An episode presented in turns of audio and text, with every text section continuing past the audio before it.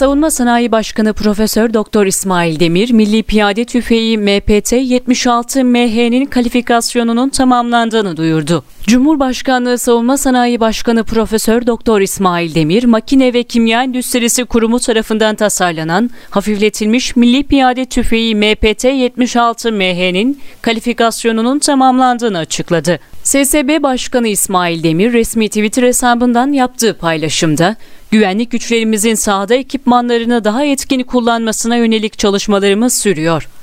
Makine ve Kimya Endüstrisi Kurumu tarafından tasarlanan hafifletilmiş Milli Piyade Tüfeği MPT 76 MH'nin kalifikasyonu tamamlandı ifadelerini kullandı.